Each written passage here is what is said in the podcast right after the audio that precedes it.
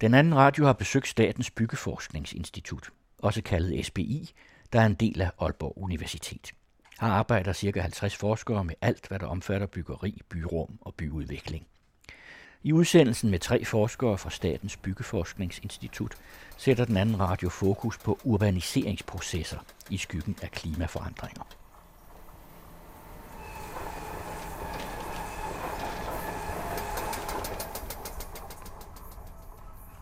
Altså den urbanisering, vi ser, tager vi op. Det er det, er det tredje punkt. Altså der var, der var den aldrende bygningsmasse, der var internationalisering, og det sidste sådan substantielle omkring byggeriet, vi, har, vi tager op, det er urbaniseringen. Altså det, at byerne vokser i øjeblikket. Forskningen på SBI har et stort indsatsområde, der handler om urbanisering og de forskellige processer, som kendetegner feltet. Vi hører først Torgild Ærø, prodekan og direktør på Statens Byggeforskningsinstitut. Det, det, der sker, er jo, at urbaniseringen er jo ikke, at man flytter fra den ydre, yderste flække i, i, i det, nogen kalder udkants Danmark, ikke? og til Nørrebro. Det er jo en urbanisering, der sådan er en lille smule dobbelt, kan man sige. Altså selvfølgelig er der en ungdom, der flytter mod uddannelse, men der er en, en, en urbanisering, der går i retning af de lidt større byer i de her områder. Fordi folk skal ind og have service, det er typisk ældre mennesker, og, og netværk og butikker osv. Ikke? Det kan man ikke fortænke dem i, at de forlader så nogle boligtilbud, som måske heller ikke skal, skal på markedet eller kan komme det. Og det er den urbanisering. Det, at byerne vokser, er blot en af de aktuelle urbaniseringsprocesser. En anden proces er den voksende opdeling af byen i rige og fattige enheder, eller dyre og mindre dyre bydele. Jeg spurgte Torgild Ærø, om forskningen forholder sig kritisk til den byudvikling. Altså vi har nogle mere og mere opdelte byer, fordi det bliver dyrere og dyrere at bo i dem. Og det, det, der sker sådan nogle segregationstendenser, øh, som, som man kalder det i fagsproget. Det, at, at byerne bliver meget opdelte, øh, fordi der er nogle bestemte dele af befolkningen, der har råd til at bo, der er nogen, der ikke har. Øh, det slår igennem på mange måder og giver øh, et problem med samlingskraften og lokal bæredygtighed er udfordret af, at nogle typer af befolkningen ikke har råd til at bo der på den lange sigt. Det har vi Øh, tallet eksempler på, især i de mere markedsbaserede øh, boligområder i England, og, og, men, men med også store byer som Stockholm har tendenser i den retning, vi ikke ser endnu her, men, men som vi kan ane øh, konturerne af, selvfølgelig. Forskningen på SBI taler meget om, at det er vigtigt, at byer og bydele giver plads til mangfoldighed. Og der er også fokus på, at boligmarkedet skal være fleksibelt. Torgild Ærø forklarer, hvorfor det er vigtigt. Vi har brug for mobilitet på vores boligmarked, fordi det faciliterer vores erhvervsliv. Det vil sige, at der skal hele tiden være mulighed for en omsætning. Det kan, være også, det kan jo være, selvfølgelig være på familiesiden, at man bliver skilt. Så skal man da have mulighed for at finde en bolig i det område, man bor i, så man ikke behøver at hive børnene ud af skolen, eller for den sags skyld bliver tvunget til at skifte job, fordi man ikke kan finde en bolig. Selvfølgelig skal boligmarkedet, altså sådan ideelt set i hvert fald, levere den fleksibilitet. Og så er det også sådan, at vi opnår det, at keyworkers, altså dem som i middelklassen, politibetjenten, sygeplejersken og lægerne, altid dem, man snakker om, at de også har råd til at bo i et kvarter. Og det var det, man kunne se i England, øh, især i Sydengland og London-området, at det havde de ikke råd til. Og så trak de sig selvfølgelig ud af de områder, fordi de kan få job hvor som helst. Og hvis ikke de kan finde en billig øh, bolig, eller en bolig, de har råd til at bo i, så, så finder de jo job andre steder. Og det vil sige, at, at man manglede de øh, jobs besat i de områder, og det bliver selvfølgelig dyrt for det offentlige. Og det bliver også øh, dyrt i forhold til samlingskraften, for det er jo nogen, der får de samfund til at fungere ved at være der og være en del af lokalsamfundet. Der er forskellige redskaber, som politikere og myndigheder kan bruge for at regulere adgangen til boliger i forskellige slags bydele. På SBI henter forskningen inspiration fra både England og Holland. Altså der er to veje, når man snakker om billig bolig, kunne man sådan sige groft. Enten kan vi nedbringe produktionsprisen per enhed, og det arbejder vi her med også. Altså det kan være, at man laver præfabrikerede enheder. Det har der gentagende været arbejdet med. Det er jo sådan set også tanken i industrialiseringen af byggeriet i 70'erne med de store planer, at vi gennem en industrialisering kunne bygge meget billigere. Øhm, så det er sådan set det ene spor. Det andet spor, som vi også arbejder med at få aktualitet, det er jo lidt mere omkring øh, det der reguleringsspor og byggeret. Altså om man kan få øh, tilpligtelse til, til dem, der ejer grundene til at, at levere en, en billigere enhed på stedet. Og det handler jo om byggeret og mulighederne for, hvad man må bruge sin grund til, sin ejendom til. Og der spiller det offentlige selvfølgelig en rolle, for det er det offentlige, der planlægger. Så det vil sige, hvis du har en ejendom et sted, som er udlagt til erhverv, og man så ser en byudvikling, hvor vi skifter funktion fra erhverv til boligformål, så er den ejendom jo meget mere værd lige pludselig. Og det er i den overgang, at man har nogle muligheder. Man kan i hvert fald se, at det er det, de gør i England. Der kan man øh, med deres planlov kræve, at, at en vis andel i enhver bebyggelse er billige. Og der får man så med, hvad skal man sige, med den tilpligtelse til developeren og investoren øh, Øh, sikret en andel billige bolig. Men det sker på et tidspunkt, hvor man så forhandler byggeret. Det er sådan set ikke noget problem derovre. Og der vil man altså se, at selv i et meget dyre område, der er der øh, altid i nye bebyggelser en vis andel billige boliger. Ikke? Så det er sådan nogle ting, man er nødt til at drøfte og diskutere for at, at komme videre. Altså for at det offentlige så får forhandlet nogle øh, billigere boliger ind i, i de projekter, der kommer. Og det er ikke nødvendigvis noget problem, fordi der er øh, frihedsgrader i den planlægning og overgang, der sker. For eksempel er det jo sådan, at man i den planlægning bestemmer og øh, lokalplanlægger og dermed også tinglyser på ejendommene, hvor meget der må bygges og hvor højt det må være, hvordan det skal se ud. Og det vil sige, at der er nogle muligheder der, hvor man altså også kan øh, øh forhandle med ejeren om øh, størrelsen på byggeriet. Og det er selvfølgelig lige nøjagtigt der, at et krav om, at 20% er relativt billige, ikke behøver at betyde noget for, for det, du kan hvad skal man sige, få ud af den ejendom. Der er jo ikke noget frosset proveny. Øh, der kan være en forventning. Men i planlægningen, der, der, der vil den blive udgrænset, hvad du er, du kan opnå på din ejendom. Og det er det, man ser i mange lande herunder England, altså, øh, kan, kan levere den. Men der er også andre modeller. I Holland, der bygger man relativt billigt gennem en almen konstruktion, hvor de så er forpligtet, dem der bygger, til i en vis årrække at stille de her boliger til rådighed til udlejning med en, med en reguleret leje, men efter den overgang, der kan de så komme på markedet med dem. Så vil nogle af dem, der bor i dem nu, måske have vanskeligt ved at blive boende, men så er der et andet billigt boligtilbud et andet sted, og der er jo der omsætningen i nogle af de her så stor, så det betyder ikke noget for den enkelte.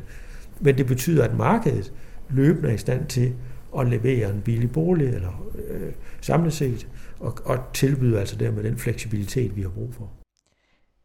Som Torkil Ærø siger, har stat og myndigheder forskellige muligheder for at styre den socialøkonomiske bæredygtighed og dermed påvirke, hvilke befolkningsgrupper, der kommer til at bo hvor. Men en ting er teori, og noget andet er at omsætte den i praksis. Og det gælder både tilpasning til fremtidens klima og integration af billige boliger. Jesper Ole Jensen er seniorforsker på SBI, og Anne Eggen har talt med ham om nogle af de relativt nye bydele i København, der er certificeret bæredygtige med brug af Green Building Councils certifikat. Uh, vi kan tage Nordhavnen for eksempel, ja. har fået certifikat Carlsberg ja. i København. Det er der, hvor alle de rige skal bo. Og det er jo så lige det, der er svært ved det her med at lave bæredygtige bydele, fordi både herhjemme og i udlandet, det viser erfaringerne jo, at de steder, hvor, hvor du er i stand til at lave det, miljømæssige bæredygtighed og score højt på den, der er det jo vanskeligt at få lavet de billige boliger og få det her sociale mix ind, som vi også rigtig gerne vil have i vores byer. Og det hænger jo sammen med, at nogle af de steder, hvor man bygger de bæredygtige bydele her, som er typisk på gamle, altså det vi kalder brownfield development, altså øh, gamle industriområder i, i byerne, hvor man bygger nyt, jamen der er priserne jo meget høje, og når du samtidig skal have lidt flere investeringer i for at få plads til de lidt mere bæredygtige bygninger, bedre kollektiv trafikbetjening og alle de ting, som skal til for at gøre en by bæredygtig, jamen så kan det være svært at finde plads til billige boliger også. Der er jo en påstand, der, der hedder, at det er mere bæredygtigt at bo i en by, end at bo ude på landet. Jamen det er rigtigt, og det er det jo også på mange måder. Der er bare en masse mænder med der. Altså, der er jo alle mulige gode grunde til, at det er mere bæredygtigt at bo tæt i større byer. Afstanden er kortere, og der er bedre muligheder for nogle fælles løsninger osv. Det vi konkret bare kan se, det er spørgsmålet om, hvor bæredygtige er byerne så egentlig, selvom de er tætte. Det afhænger af det menneskelige adfærd jo. Og vi ved, at der er noget, der hedder en rebound-effekt. Det vil sige, at de penge, som vi sparer på at ikke køre så meget bil og ikke bruge så meget varme og have en billig varmeforsyning, den bruger vi måske på nogle andre ting. Det kan være, at vi tager mere ud og rejse med fly. Det kan være, at vi øh, spiser lidt flere bøffer, end man gør andre steder, og det kan være, at vi bruger dem på nogle, en masse andre ting, som forbruger ressourcer. Og det kan jo være, at hvis man bor i en mindre by, at man godt nok kører mere bil, men det kan også være, at man har øh, nogle andre kvaliteter derude, som gør også som bidrager til det her, at øh, bæredygtighed bare på en anden måde. I tidligere byforskning har man ofte sat den store by op som en modsætning til den lille by i provinsen, og der er naturligvis forskel, når befolkningen er henholdsvis stor og lille, men når man vurderer bæredygtighed og infrastruktur i bysystemer, er det nødvendigt at gå mere nuanceret til værks store systemer, vores store, i de store fællesskab har vi vores ekspertsystemer, hvis vi kan kalde dem det, som ligesom skal træde ind og tage hånd om de ting her. Og der er det jo så vigtigt, at man kan have en dialog omkring, hvordan håndterer vi det her med, at folk agerer forskelligt. Folk har forskellige muligheder og vilje og lyst til at agere bæredygtigt på den måde, at man genanvende øh, osv. Og der er det jo en, en, både en, en udfordring, men også en mulighed for øh, infrastruktursystemer eller ekspertsystemer, at kunne arbejde med de lokalsamfund, som godt vil prøve at gøre tingene mere bæredygtige. Og der er jo et kompliceret samspil mellem et store fællesskab og et lille fællesskab, hvor, som går begge veje, hvor man siger, både de små fællesskaber må jo lære at kende også, at selvom vi har lyst til at være bæredygtige her, så repræsenterer de store fællesskaber og de løsninger, man har her, altså også en nødvendighed for at kunne, kunne agere bæredygtigt i en større sammenhæng. Og der har måske været lidt en tendens til, at man i de bæredygtige øh, lokalsamfund måske har set de store infrastruktursystemer som fjender og som nogen, der ikke har ville gå samme vej, som de selv har ville. Men der må man bare sige, at, at det er måske forskellige rationaler, men de rationaler, man har for energiforsyningen til at agere, og skulle være øh, bæredygtig, er jo også valid et sted. Øh, men det er bare nogle andre rationaler, der ligger på, når det er en, en langt større skare, man skal forsyne, og som man ikke kan have den der løbende dialog med, som man kan i de små systemer. Danmark har næsten 9.000 km kyst, og med det flade landskab har vi en del til fælles med Holland. I dag ligger Danmark ikke under havets overflade, men måske bliver det anderledes i fremtiden, når og hvis klimaforandringer sætter sig igennem i større skala. Flere forskere på SBI arbejder med bæredygtighed i relation til klimatiske udfordringer. Seniorforsker Lars Engberg er lige nu ved at sammendrage et kapitel til en amerikansk antologi, der handler om klimatilpasning. Klimaforandringer er nemlig en stor udfordring til fremtidens byer, hvordan de kan styres og udvikles. Direktør og prodekan Torgild Ærø lægger heller ikke skjul på, at der venter store opgaver for dansk byggeri forud – og navnlig i det kystnære byggeri, hvor man pt. ikke er helt på forkant med udviklingen i klimaet. Det fylder efter min og vores mening jo øh, nok ikke nok. Altså, øh, det, den klimasikring, der sker, den har vi arbejdet lidt med. Den, den har jo det drilske i sig, at den, den er sådan ligesom lidt mere af det hele, og ikke sådan ligesom... Altså, vi har selvfølgelig godt nok set nogle ekstreme tilfælde her. Øh, og dem vil vi jo også se mere af, men det karakteristiske er jo ligesom, at det, at det er sådan ligesom lidt mere af det hele, nogle kraftigere storme, lidt nogle højere vandstande, og, men det kommer jo desværre ligesom lidt, lidt sådan snigende, han har sagt det. Og der savner vi måske nok lidt mere opmærksomhed på, hvad effekt har det. Og det er også noget, vi kommer til at arbejde med, øh, også for myndighederne at kigge nærmere på, øh, hvad effekt det har for byggeriet, de her.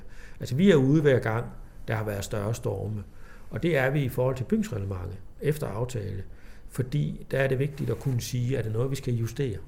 Eller skyldes det her, at der har været er det ekstremt vejr, eller altså i forhold til den norm, de byggerier blevet opført efter. Det kan det typisk være. Og der har man så strammet siden, fordi det der, der er jo kommet snørre snelaster og sådan alle de ting, der gør, at bygningerne øh, kunne gå hen og kollapse. Øh, der, der kan det jo sagtens være, at de er opført på et tidspunkt, hvor man ikke stillede de samme krav. Men det holder vi sådan set øje med. Men, men der er der ingen tvivl om, at, øh, at, at det kræver opmærksomhed.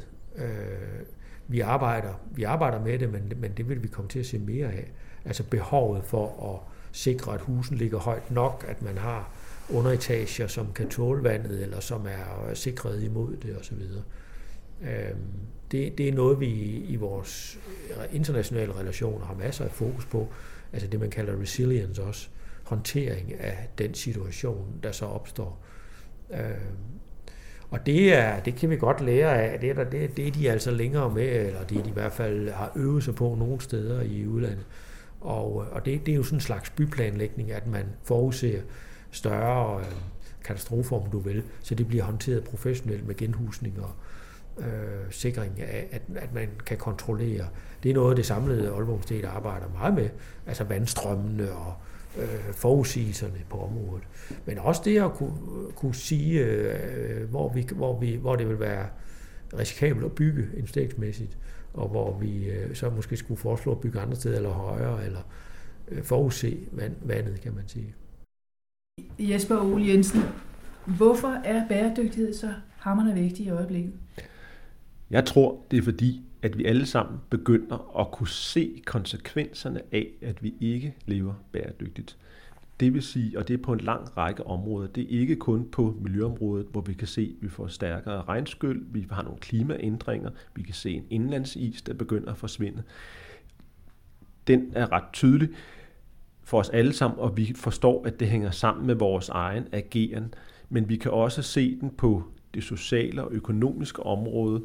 Vi kan se, at vi får stadig mere socialt opdelte byer.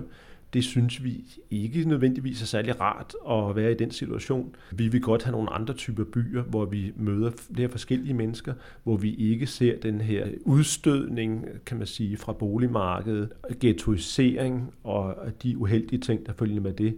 Vi kan godt se, at at øh, vi har nogle gange et forbrugsmønster, sådan rent økonomisk, som ikke er særlig heldigt. Vi har ikke godt med den her brug og smide væk kultur. Vi kan se, at der er nogle muligheder i nogle nye type løsninger.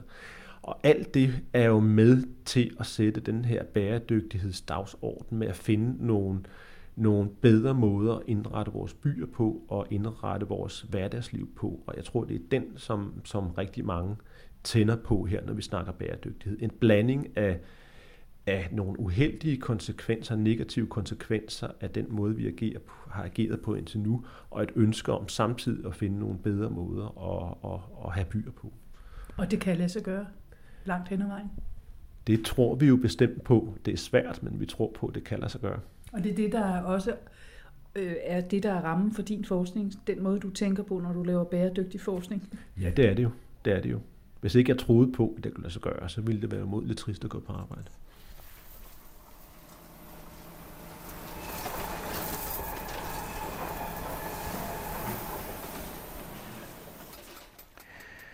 Du har lyttet til udsendelsen Urbanisering, som er den anden udsendelse i den anden radios nye serie At bo, bolig, by og bæredygtighed. Udsendelsen var produceret af Christina Grossmann Due og Anne Eggen.